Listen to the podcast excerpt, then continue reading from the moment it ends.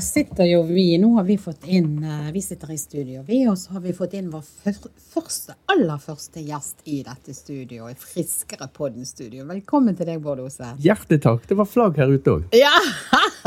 det var det. Det var fordi du skulle komme. Ja, takk. Ja, Så du er vår aller første gjest, og det er jo vi veldig stolt av. Vi er veldig stolte av det. Ja, og så deg da, Bård, som òg skriver i Vi over 60. Jeg, jeg, jeg syns bare det er gøy å nevne det sånn innledningsvis. For alle dere som lytter til oss, har dere plassert han? Dere vet at han jobber i NRK, og dere har sikkert hørt Pils. og Kanskje dere har vært på et eh, foredrag med Bård Ose òg? Vi har jo hatt han med på flere Vi over 60-foredrag. Men eh, nå har jo vi lyst til å presentere deg i litt annen setting. Vi har lyst til å snakke om dette med helse. Eh, og deg, da, eh, Bård. Ja, du eh, mm, har hatt noen helsemessige utfordringer eh, de siste årene. Ja. Eh, fortell litt om det. Ja, altså, antageligvis har jeg hatt det siden jeg ble tenåring, uten å vite det. For jeg har alltid hatt eh, smerter i mageregionen, enten i magen eller rundt. Altså, hele, hele tiden hatt de der smertene, og særlig etter at jeg har spist. Og så for tre år siden så uh, var det så ille at jeg, jeg måtte bare oppsøke fastlegen min. Og så eh, sendte hun meg rett opp på en sånn kanalspesialist med slanger her og der. Og fikk påvist at jeg hadde ulcerøs kolitt. Og da eh, hang jeg med hodet med en gang. Tenkte, ah. Ja, hva er det for noe, Bård? Kan ikke du fortelle litt? Jo, det er en kronisk tarmsykdom. Eh, tidligere så måtte man faktisk operere og få såkalt utlagt tarm. Nå finnes det heldigvis andre behandlingsmuligheter, så det er mye lettere å leve med det. Og det er mye lettere å få det kurert. I, i mange tilfeller så brenner det ut av seg sjøl. Men det er så veldig individuelt. Det er ingen som kunne fortelle meg at eh, andre i familien, eh, at det er arvelig. Ingen som kunne fortelle meg om det var noe spesielt det kom av. Var det min leveførsel? Jeg har jo ikke levd noe usunt, men likevel. Det var ikke det utsvevende rockelivet, altså. Så. Nei, og så eh, i det øyeblikket legen eh, så at jeg hang med hodet, og så sier han bare til meg Du er vel glad det ikke er noe annet? Ja. Og da tenkte jeg det der var en veldig fin holdning. Når legen nå kan si til deg det at eh, dette kan du leve med. Ja, så spurte jeg da er det noe jeg ikke skal spise. Nja, så dro han litt på det. Ja, vær forsiktig med kjøtt. Men, men føl deg frem. Ja, det er noe jeg ikke skal drikke. Ja, i, i det, det samme. Føl deg frem. Slutt med biff og øl og sånn. Ja, så gjorde jeg da et, et, eh, et eksempel. Um, for jeg har jo alltid følt at hver gang jeg spiser kjøtt, særlig eh, tunge kjøttmiddager, biff, eh, lam, uh, svinekoteletter, til en viss grad pinnekjøtt, så har jeg vondt dagen etter. Da er det cola og Pringles. Det er førstehjelp. Cola og Pringles. Jeg skal ikke si at dette er reklame, men cola har hjulpet meg eh, ut, utrolig mange dager. Og så, eh, så kuttet jeg ut kjøtt i en periode og, og følte meg mye bedre. Jeg fikk jo en eh, medisin, så jeg gikk to år på medisin. Eh, og så eh, foreslo fastlegen at nå kan du trappe ned, og så kan du slutte etter en stund. Så nå er jeg uten medisin, men jeg vet at hver dag jeg eh, spiser noe kjøttlignende, så må jeg eh, ta en timeout. Enten seinere på kvelden eller dagen etter. Så eh, Men hva er det med kjøtt, da? jeg vet sannelig ikke hva det er med kjøtt, annet enn at eh, hver kropp reagerer forskjellig på mat. Eh, pølser, for eksempel, har jeg alltid reagert på. Alltid fått vondt i magen av pølser. Uansett om det er de der store, flotte bratwurst fra Tyskland, Akkurat. eller om det er de, de billigste som du får i, i, i Det har ikke noe med kjøttkvaliteten altså, eller pølsekvaliteten Jo, det er, det er jo noen som mener det. At eh, sånn som viltkjøtt har jeg ennå ikke reagert på. Nei, nettopp. Jeg har en svoger som går på jakt, og han serverer jo da fersk elgsteik eller gryte. Det har jeg aldri reagert på. Har det noe med fett i kjøttet å gjøre? Kanskje det. Kanskje det, altså. Så kortreist mat er vel Jeg er vel et eksempel på at det er det aller beste. Og det samme med drikke. Jeg kuttet ut eh, øl fordi eh, jeg, jeg merket det. Det får du vondt i magen av. Og, ehm, så det har ikke jeg eh, omtrent smakt siden.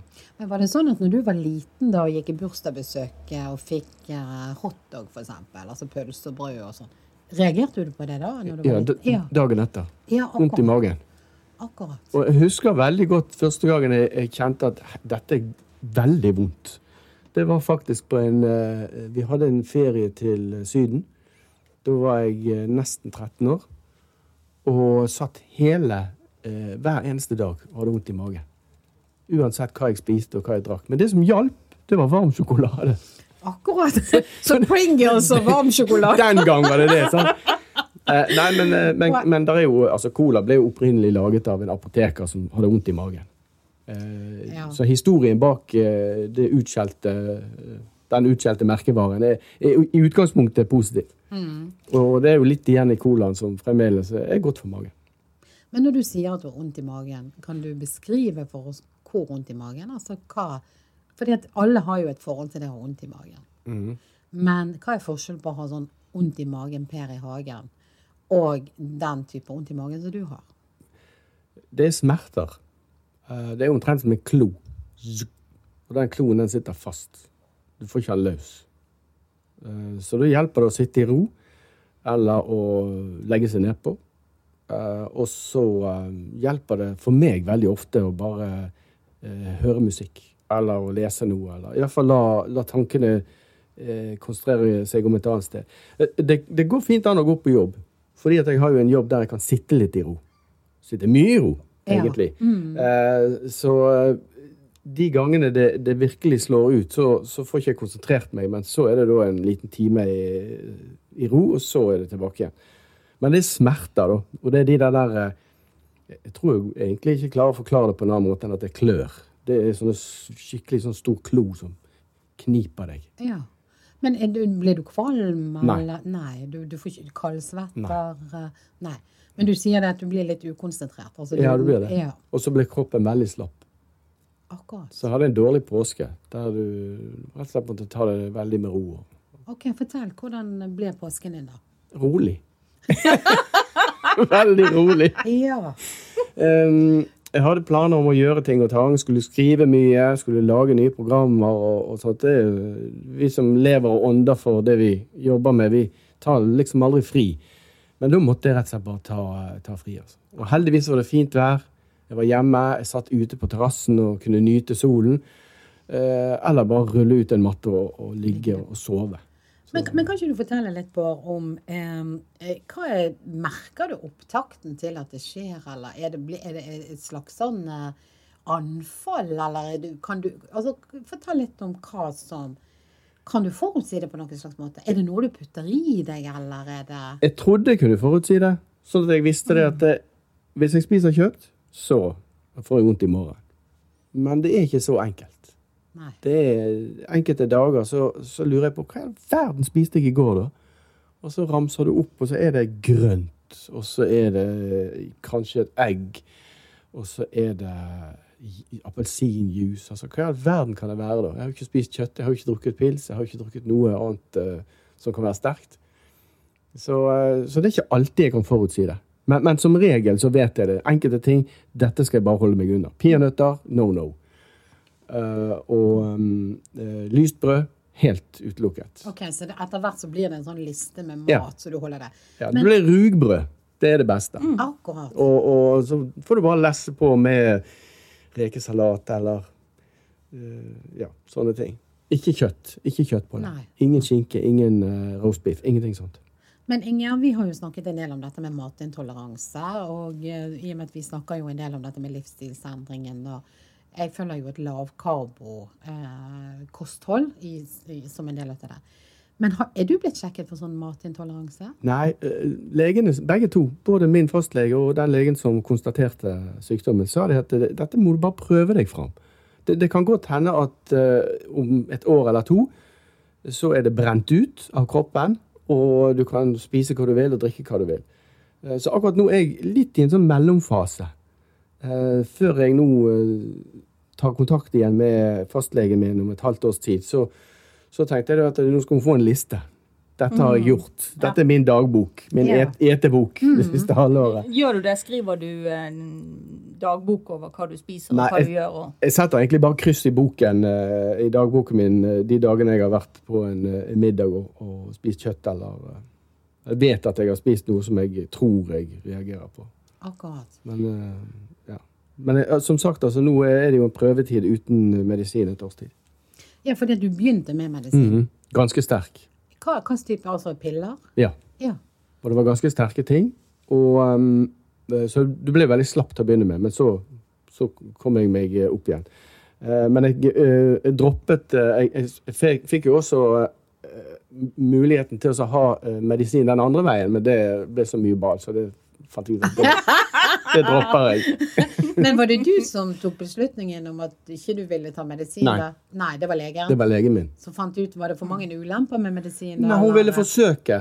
Enn om du trapper litt ned. Ja. Så ser vi hva som skjer. Og så, så ble det ikke verre. Trappet ned fra fire om dagen til to. Og så gikk jeg i eh, Nei, jeg gjorde vel én måned om gangen. Fire, tre, to, én. Så når det var gått et halvt år, så kuttet vi det. Så det har gått ett år nå uten. Akkurat. Og, uten at det har vært noe verre. Nei, nettopp. Men virker stress inn, eksempel? Ja. Altså syk... Ja, nettopp. Ja. ja. Det er jo også en ting som legen sa, at nå, nå må ikke du bekymre deg. ja, det er jo lett å si. Gå, gå hjem og ikke bekymre deg. Veldig godt. eh, ja, men uh, stress og bekymringer spiller veldig inn. Det gjør det. Og jeg er jo en sånn person som eh, kanskje bekymrer meg for ting som jeg ikke trenger å bekymre meg for. Eh, nå skal jeg ut og reise, og jeg skal til et sted jeg aldri har vært før, og da blir jeg bekymret. Oh, Det er ja. sånn, hvor er døren inn? Hvor er gaten min? ja, ok. Ja. Og når jeg da kommer dit, hvordan kommer jeg meg til hotellet? Gjør du det, Bård? ja, jeg gjør det. Ja. Hva Er det en sånn eh, ting du har fra du var liten? Ja, sånn helt innebygget. Helt innebygget. Og, og det er litt rart, da, for jeg reiste jo til Amerika helt alene i 1984. Uh, uten kontokort. Hadde ikke, da- hadde jeg bare kontanter og passet mitt. Alene. Lander på Kennedy Airport og skal leie meg en bil og kjøre til eh, en slektning i New Jersey. Som, okay. som er da tre timer å kjøre fra Kennedy Airport. Da hadde jeg vært bekymret. Ja, Det gjorde jeg alene, og jeg har ofte tenkt på det i ettertid. Hvorfor Hvordan torde jeg å gjøre det? Ja. Det var, og, Men er du blitt mer bekymret, bekymret med alderen da, eller er det altså Ja, jeg tror det har sammenheng med det at du, du er ikke lenger alene i livet. Du er ikke lenger eh, en sjel og en skjorte. Uh, nå, har du, uh, nå har du familie. Så det er, den, det, er den, det der ansvaret. Det er nok det som, som spiller litt inn. Så det du bekymrer deg eh, Du kan ligge hjemme du på en matte og bekymre deg over f.eks. den reisen du skal på. Ikke sånn at jeg tenker på det. Det, det, det er bare litt innebygget i meg at uh, jeg er litt usikker. Men påvirker det? altså Slår det seg ut i magen da? Så er det, er det sånn at eh, Nei, nå er vi jo to som skal ut og reise, så da er det jo litt uh, Da, da slipper jeg å tenke så mye på det. Det, det gjør jeg. Men uh, de forrige gangene Vi var jo syv år på rad på en festival i Texas. Og da var det alltid sånn at uh, jeg sov ikke natten før. Nei. Selv om jeg visste jeg skulle samme stedet. Så var det et eller annet eh, med det der å reise til Amerika. Det er, det er ikke så lett som folk tror. Det er jo bare å reise. Ja. Og, um, jeg syns jo det det er forferdelig å komme til Amerika og gå to timer i en kø og bli kryssforhørt.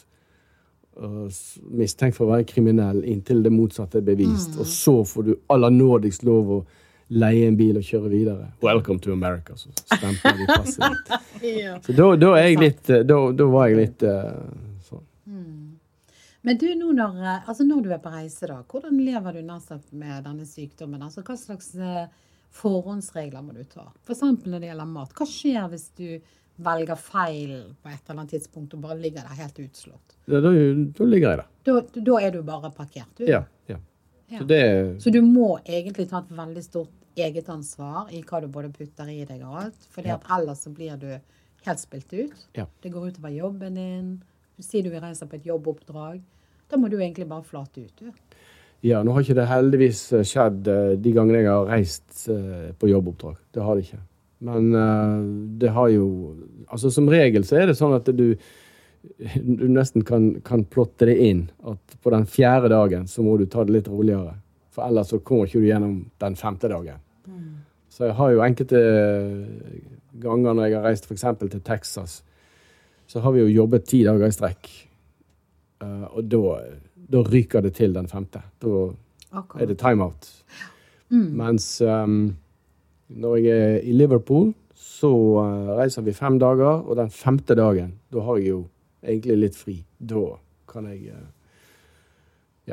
Men er det sånn at du føler at oppdragsgiverne dine og arbeidsgiverne dine sånn, tar hensyn Ja. til ja. Veldig. Fordi du er jo åpen om dette. Ja og det ble lagt til rette med en gang. Ja. Mm. Det er jo På hva slags måter, da? Altså? Nei, jeg fikk beskjed om at nå må du si fra når det er for mye. Uh, og uh, jeg var jo sykemeldt ganske lenge. Jeg var vel vekke fra jobben i tre måneder. Helt. Før jeg fikk lov av legen å, å gå tilbake igjen til, til jobben. Selv om det er en ganske sånn rolig og på mange måter stillestående jobb. Eh, og da sa også sjefene mine at eh, her må du bare sette opp din egen timeplan. Når du er tilbake igjen, så må du bare Så det jeg gjør, jeg, jeg leverer akkurat det jeg skal. Ja, og, og that's it. Ja. Men hva, hva er det verste som kan skje med denne sykdommen? Altså, hvis, ikke du hadde blitt behandlet eh, men, eh, Du behandler jo egentlig deg sjøl nå ved å være forsiktig med mat og sånt, ellers må jo du gå på medisin. Sant? Det er en åpning for at du eventuelt må tilbake igjen på det. Hva, hva hvis dette bare liksom får fritt utløp, og det ikke blir behandlet? Hva skjer da? Jeg tror du blir fullstendig utmagret. For det rant jo ut. Plutselig så, så jeg, jeg trodde jo først at det var en helt vanlig uh, diaré. For en venn av meg hadde akkurat det samme, og vi hadde vært på en spillejobb. Men det bare fortsatte og fortsatte i uh, nesten en måned. Oh. Og da var jeg helt uh, Orket ikke å spise omtrent. Før jeg, jeg gikk da Ja, for du mister jo både mye vitaminer og mineraler, og Ja, alt det påvirker jo hele systemet ditt. Ja, det blir uttørket. Ja, rett og slett. og, og, og Må du drive og ta kosttilskudd og den type ting nå, da? Eller? Trenger ikke det. Nei. Nei. Så man må ikke tilføre noe ekstra fordi at man uh, har den type problem? Nei, jeg tror uh, Jeg spiser jo masse fisk. Så det, det at jeg ikke spiser kjøtt, det Eller så lite som mulig. En gang i måneden, kanskje. Så, eh, så eh, balanserer det seg sjøl. Ja. Mm. Altså, du har jo egentlig et misunnelsesverdig kosthold med mye fisk og grønnsaker og vilt. Altså, Ja. det, Det er jo det beste. Ja, ja. Det er jo lavkarbo, dette her. Det var, ja, det, det er mye bra. Ja. Nei, Nei, men som du sier, altså som du spurte, hva hadde skjedd? Jeg hadde nok sannsynligvis uh, gått helt i bakken og, og fått komplikasjoner. Uh, og sykehusopphold og ja. For det er det, i verste fall, så, så er det det. Mm. Det rare var jo at uh, da jeg fikk eh, diagnosen og, og fortalte det til venner og kjente og familie, og sånn, så poppet det opp så mange mennesker som hadde det samme, men som aldri har sagt det til meg. Okay. Jeg har spilt i band i, i 25 år med de samme folkene, og der var det plutselig en Ja, men jeg, det har jo jeg. Og så, men han hadde det mye verre og i en litt annen variant. Spiser og drikker akkurat hva han vil. Det er ikke det som, som slår inn. Og så likeledes eh, en Og han eh, venninne som da eh, har blitt kvitt det. OK. Det har bare brent ut. Men hun, men hun var virkelig så Kan du si rammet av det at hun, hun ble hemmet. Hun ble sykemeldt i lang tid og måtte gå ned i halv stilling osv. Og, og så plutselig så brant det ut. Men hva vil det si at det brenner ut? Forsvinner. Så det, ja, av seg sjøl? Ja, så de sier at det brenner ut, og da kan du vel på en måte si at du tar et viskelær, og så visker du vekk all eh, betennelsen. For det er betennelse. Du kan se det. Og det er jo det, det var ganske eh, morsomt å, å ligge på benken og så se uh, deg sjøl innvendig. Eh, det så ut som et sånt naturprogram fra National Geographic. Så jeg forventet jo at Richard Attenborough plutselig skulle hoppe frem og si Her! Her ser dere betennelsen! Ja, så Nei, du men- så det rett og slett med de blåte... Ja, du ser de gule, og legen sa da Her ser du! Der og der og der og der. og der. Det var jo tett i Akkurat. tett. Det så ut som en, eh, en eh, Ja. Det så ut som en, en rad med trafikkø, Ja. egentlig. Mm. Men jeg vil jo tro det at uh, ut ifra det som jeg hører, så vil jeg jo tro det at sånn som lege Sofie Hekseberg, som vi samarbeider med, hun vil jo tenke at kostholdet antagelig har Altså det på en måte er et veldig positivt bidrag til å bli kvitt dette. Ja. Um, og du, det er jo egentlig den kuren du går på nå. Du er forsiktig med maten. Du, du registrerer hva du putter i deg. Eh, det eksperimentet du gjør med legen, det er å bli kvitt, altså gå av medisin. Prøve å holde kontroll på deg sjøl. Og så har jeg kommet dit hen at det, det, det ligger litt sånn mentalt òg. At Ja. når jeg ser en pils, så har jeg ikke lyst på den.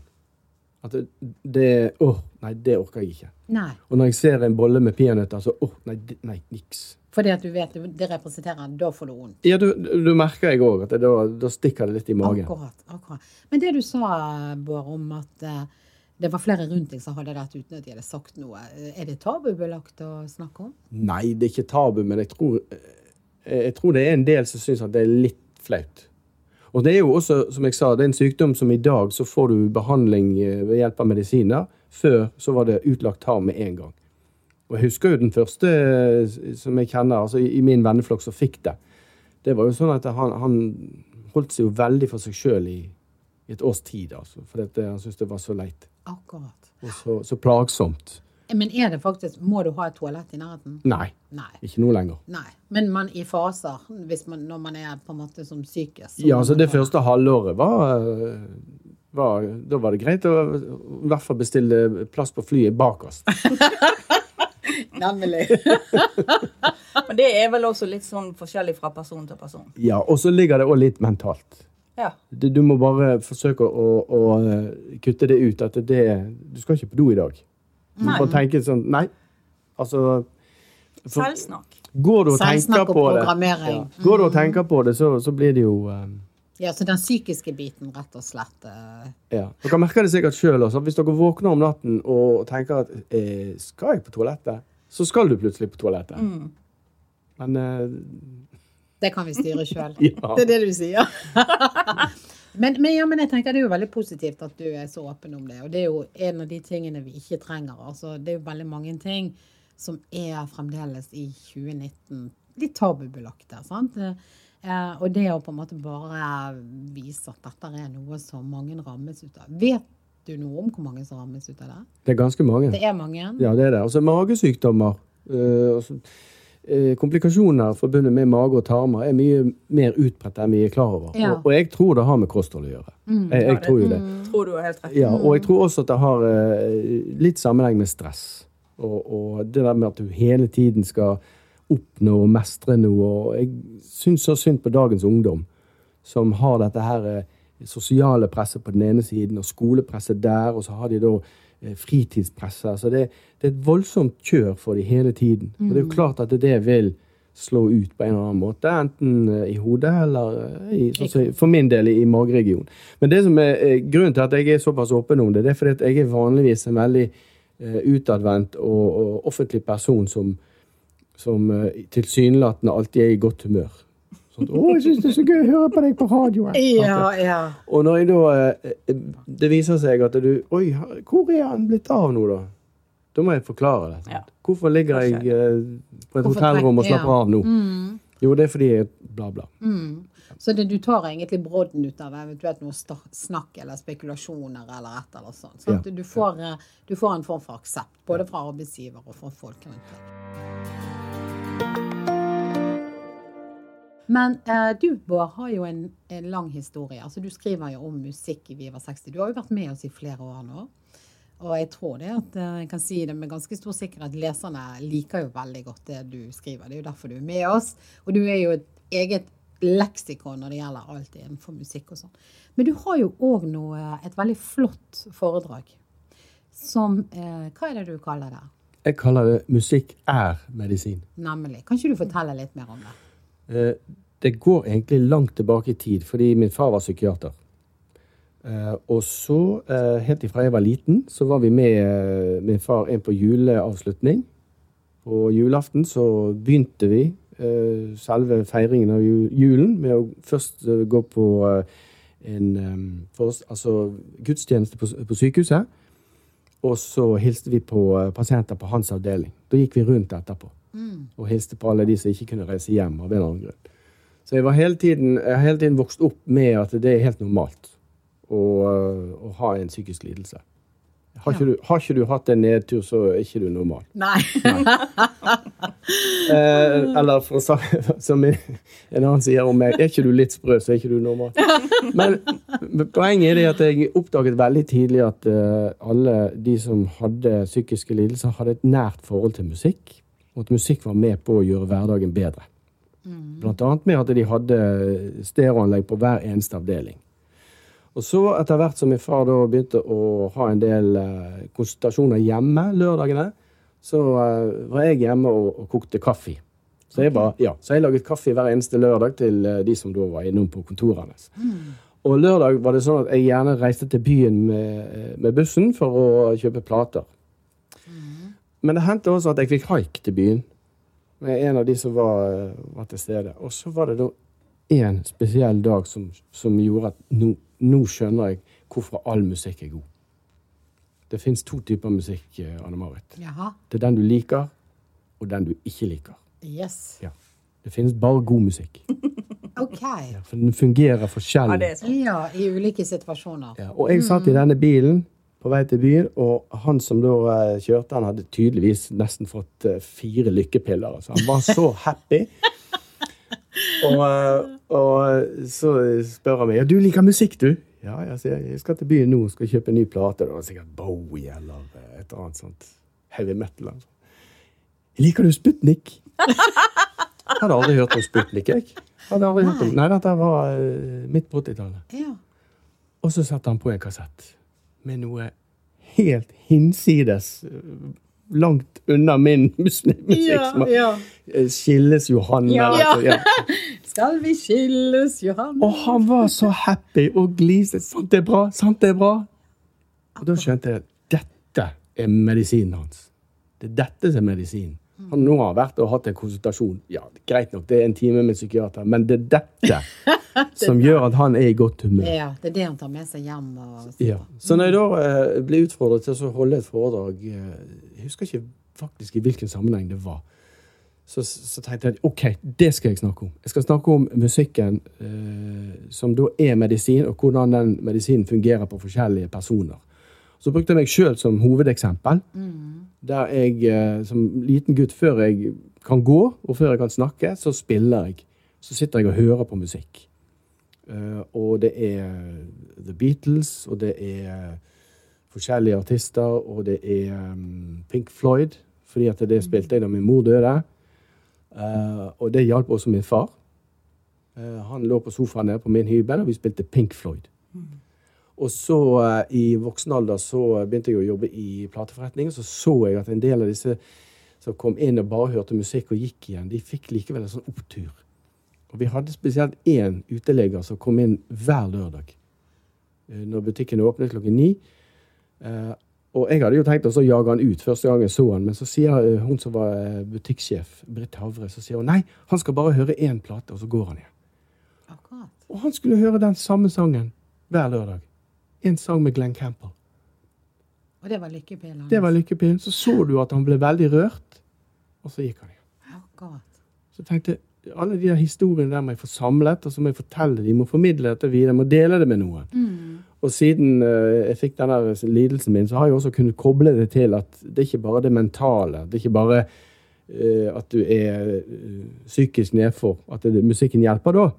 Men det er også faktisk når du er fysisk ute av uh, balanse. Ja, kan du- hvordan bruker du musikken nå, da, i forhold til Altså, jeg lærte jo en ting av Trygve Tue, gitaristen i Lollipop og, og Saft. Og han har en rygglidelse. Han uh, fikk en uh, Altså, han ødela ryggen en gang han skulle løfte for mye forsterkere. Og hver gang han får smerter, så satte han på den samme CD-en og legger seg på gulvet, og så flytter han fokuset.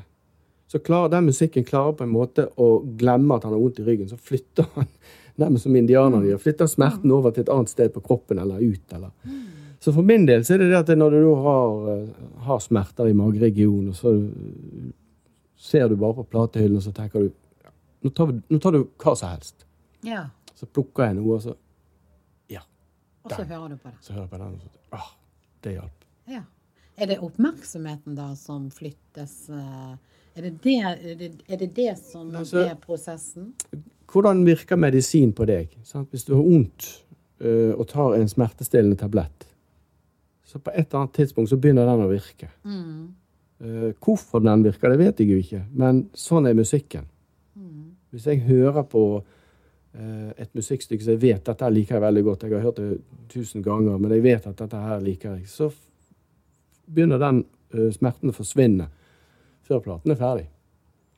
Men det er fokuset, ja. Det er gjort forskning på dette. her, Mm. Ja. Og musikk som smertelindring. Ja. Um, og en som heter Audun Mykja, har gjort en del forskning på uh, demente og musikk. Og fått folk som, som har sittet der taus i årevis. Eh, når de hører en gjenkjennelig melodi, uh, så begynner de gjerne å synge til. Og folk med Parkinsons Han brukte Napoleon med sin hær, for den har så veldig tydelig rytme. ja. Og da klarte de, for de får jo ofte sånn tassende skritt, og da klarte de å gå på en helt eh, normal måte. Så det, det er veldig fascinerende. Musikk er en sterk effekt på folk. Og, og det, jeg, jeg har jo hørt eh, foredraget ditt på, og eh, du var jo veldig personlig òg. Altså, du drar jo oss gjennom en, eh, en altså, Du viser jo hvordan ulike, ulike artister da, eh, altså, Det blir jo et popperi på en måte av en, en, en, en musikk, og så har jo du historier imellom. og du du jo veldig, har jo vært veldig åpen og ærlig mot eh, hvordan du brukte musikk sjøl i forhold til sorgen når du møt, mistet din mor og sånt. Eh, Vil du dele litt av det med oss? Ja, det skjedde jo ganske tidlig i livet mitt. Jeg var 17. Men eh, Og i en veldig sårbar eh, alder. Sant? veldig Ja. sårbar alder. Vi eh, hadde startet bandet eh, et år i forveien. To, to år i forveien. Ja, nesten. Eh, Nå, nå husker jeg ikke helt nøyaktig når, men da jeg begynte på gymnaset høsten 76, så begynte vi endelig å spille sammen. Vi var fire gutter som, eh, som var vokst opp sammen. Også. Og min mor hadde jo vært syk i mange, mange år. Mange år. Jeg var vant til å eh, ha en mor som var syk, men det traff jo som en bjelke da i januar 78, da hun eh, døde. Etter eh, flere ukers eh, virkelig intens sykdom. Eh, så du er ikke forberedt på det, men samtidig så er det Det var en sånn blanding av sorg og lettelse. Nå slapp hun. Eh, og da merket min far at han er 17 år, og han murer seg litt inne. Jeg hadde jo rom i kjelleren, og jeg, jeg var der. Jeg var på skolen, og så gikk jeg der etterpå, og så kom jeg ikke fram igjen før jeg kom opp og sa god Natt og spiste kvelds. Så han ble litt bekymret, og så kom han ned og så eh, spurte om eh, vi skulle prate. Men jeg sa nei, jeg skal ikke prate. Men du kan få være her. Og så um, la han seg på, um, på min sofa, for han uh, måtte hvile litt. Grann. Og um, så satte jeg på eh, Pink Floyd, eh, en LP som heter 'Wish You Were Here'. Ja. Og den eh, begynner jo med et sånt kvarterlangt eh, musikkstykke som heter 'Shine On You Crazy Diamond'. Og det var sånn balsam. Det så jeg på min far, at det var sånn balsam. Hele denne første eh, sekvensen som bare flyter, og en fin gitar som spiller en melodi uten vers og refreng. Det bare flyter, og, og tankene kan bare sveve videre. Så det var, var utrolig å se hva slags effekt det hadde til og med på min far. Så han brukte det i sin eh, professoravhandling. At uh, uh, sønnen hans uh, var et eksempel på hvordan musikken kan, eh, kan brukes i terapi.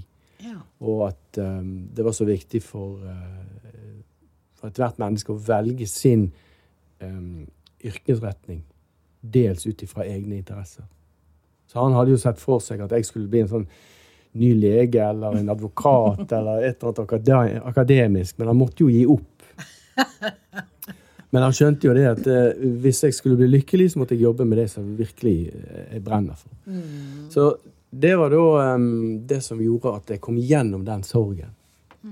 Det var, det var musikken. Pluss at vi hadde startet bandet, så vi hadde jo en, eh, en kameratgjeng som spilte sammen. Mm. Så jeg var på øving dagen etter at min mor var død, dagen etter begravelsen. Ja. Dette kutter vi ikke. Min far sa det. Det der kutter du ikke. Du, du skal gå på øving hvis du har lyst til å gå på øving. Så, eh, så den sterkeste konsertopplevelsen jeg har hatt noensinne, det var jo da uh, for noen år siden, 10-12 år siden, så var Roger Waters fra Pink Floyd. Han var i Vestlandshallen. Sånn, bare en spasertur unna der som jeg bor, og spiller Shine On You Crazy. Dog. Oh. Ah, ja. Akkurat. møtte Wow. du han òg, eller? Nei. Nei. Dessverre. Han er en veldig innelukket person som ikke tar imot uh, noen uh, Ja, kanskje hvis vi hadde kjørt litt på, så kunne vi ha fått uh, Hvis du hadde fortalt fortalt historien, så tror jeg nok det. Eh, ja, kanskje. Kanskje. Men har du eh, På hva slags måte Du er jo far sjøl. På hva slags måte har du, eller bruker du musikk f.eks. For i forhold til dine barn? Jeg var bevisst helt fra starten av at dette skal jeg ikke prakke på dem. Jeg skal ikke uh, spille musikk uh, for de, altså sånn uh, gjør, Hør på dette, gjør på dette. Nei, altså in, ingen form for um, Altså, jeg skulle veilede, men ikke noe annet enn det. Så når da Eivind Men hele tiden har vi hatt musikk i huset. Det har vi jo. Altså, Kaptein Sabeltann, der kunne vi alle sangene. Og um, likeledes en, en god del sånn, sånn uh, musikk for barn. Ja, men hvis, ba hvis barnet var syk, for eksempel, eller er sant, man, man har jo liksom I hele oppveksten så har jo du sant, Ting skjer jo. Ja. Har du kunnet bruke musikk som medisin på dine egne? Nei, Din primærfamilie nå?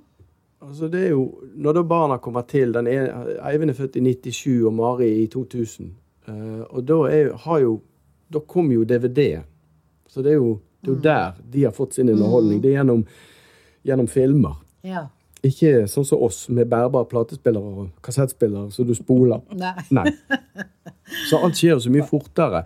Så ungene mine har mer eh, Når de har vært syke og sittet på sofaen og sånt med dynen rundt seg, så er det Tom og Jerry. Eller det er Harry Potter. Eller det er Det er en form for eh, De produkter av sin samtid. Ja. eh, Så, ja. Ja. Så musikken, den, den var mer sånn Den kom seinere. Så når da Eivind begynte å bli interessert, og spurte om jeg hadde den og den artisten, så okay. åpnet jeg skapet og så sa jeg, ja, det har vi her. Du kan bare gå ned og plukke. Ja. Her har jeg eh, Rolling Stones, her er Led Zeppelin, her har jeg Beatles. Eh, og hvis du Å ja, ja, du liker Iron Maiden. Ja, men da skal du høre dette. Ja. Det ble mer enn sånn. Mens, mens Mari, som da Ja, så kjøpte jeg gitar til han, og han gikk på gitarkurs og tjo Mm -hmm. Og så uh, likeledes med Mari, som da viste seg å ha en veldig god sangstemme. Hun også har da um, uh, Ja, jeg har gitt henne uh, en del musikk og, og tipset henne. Ja. men én ting som de ikke har gjort, noen av de, det er det eneste jeg har spurt de sånn, sånn spesielt. Vær så snill. Start band. Men det gjør jo ikke Gjør ungdommen i dag. Band, liksom. Hva er det for noe? Det for noe? Ja. ja, Men du spiller jo fremdeles. Ja, ja, og det er jo det, er Ja. det som er eh, det, er det som er den store medisinen. Yes. Det er å være i en kameratgjeng. Ja. Og ha det det, som en slags klubb. ja. Sånn Kvinner går Det i blir klubb. jo det. Mm. Ja. Kvinner har klubber. Eh, Dere har band. vet, ja, vi har band. Yes. Hvor mange mannfolk er dere, da? Nei, da er vi fem i Stones-bandet. Og vi er fem i Bowie-bandet, pluss en kvinne på saksofon.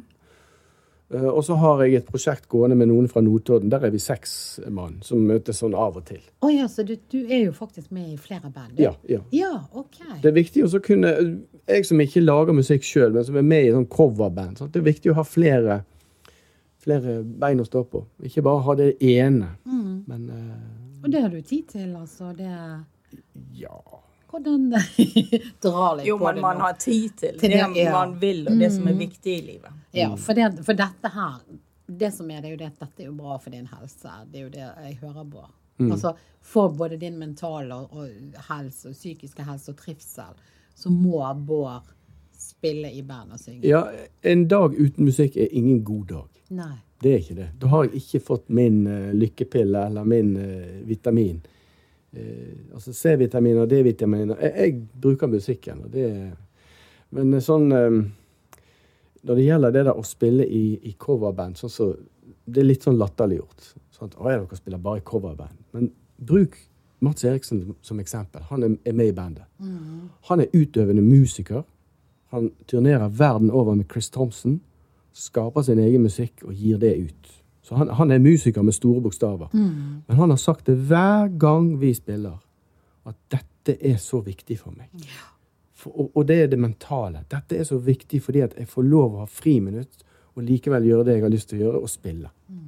Så denne der, eh, den verdien det er å være en kameratgjeng og spille sammen. Og så er det jo et uttrykk som heter 'The family that plays together, stays together'. Ja. Og family i den eh, sammenhengen, det er da bandet. Bandet, ja. Ja. Mm. Kjempefint. Eh, Jeg tenker vi avslutter med deg, eh, Inger. Ja, er Tusen takk. Ja, tusen takk skal du ha, Bård. Det var veldig kjekt å se deg i dette studioet. Og så gleder vi til å både lese mer av deg i det eminente magasinet Vi over 60, og så ikke minst høre deg på Pils og andre eh, programmer som du måtte ha. Hjertelig takk. Hjertelig.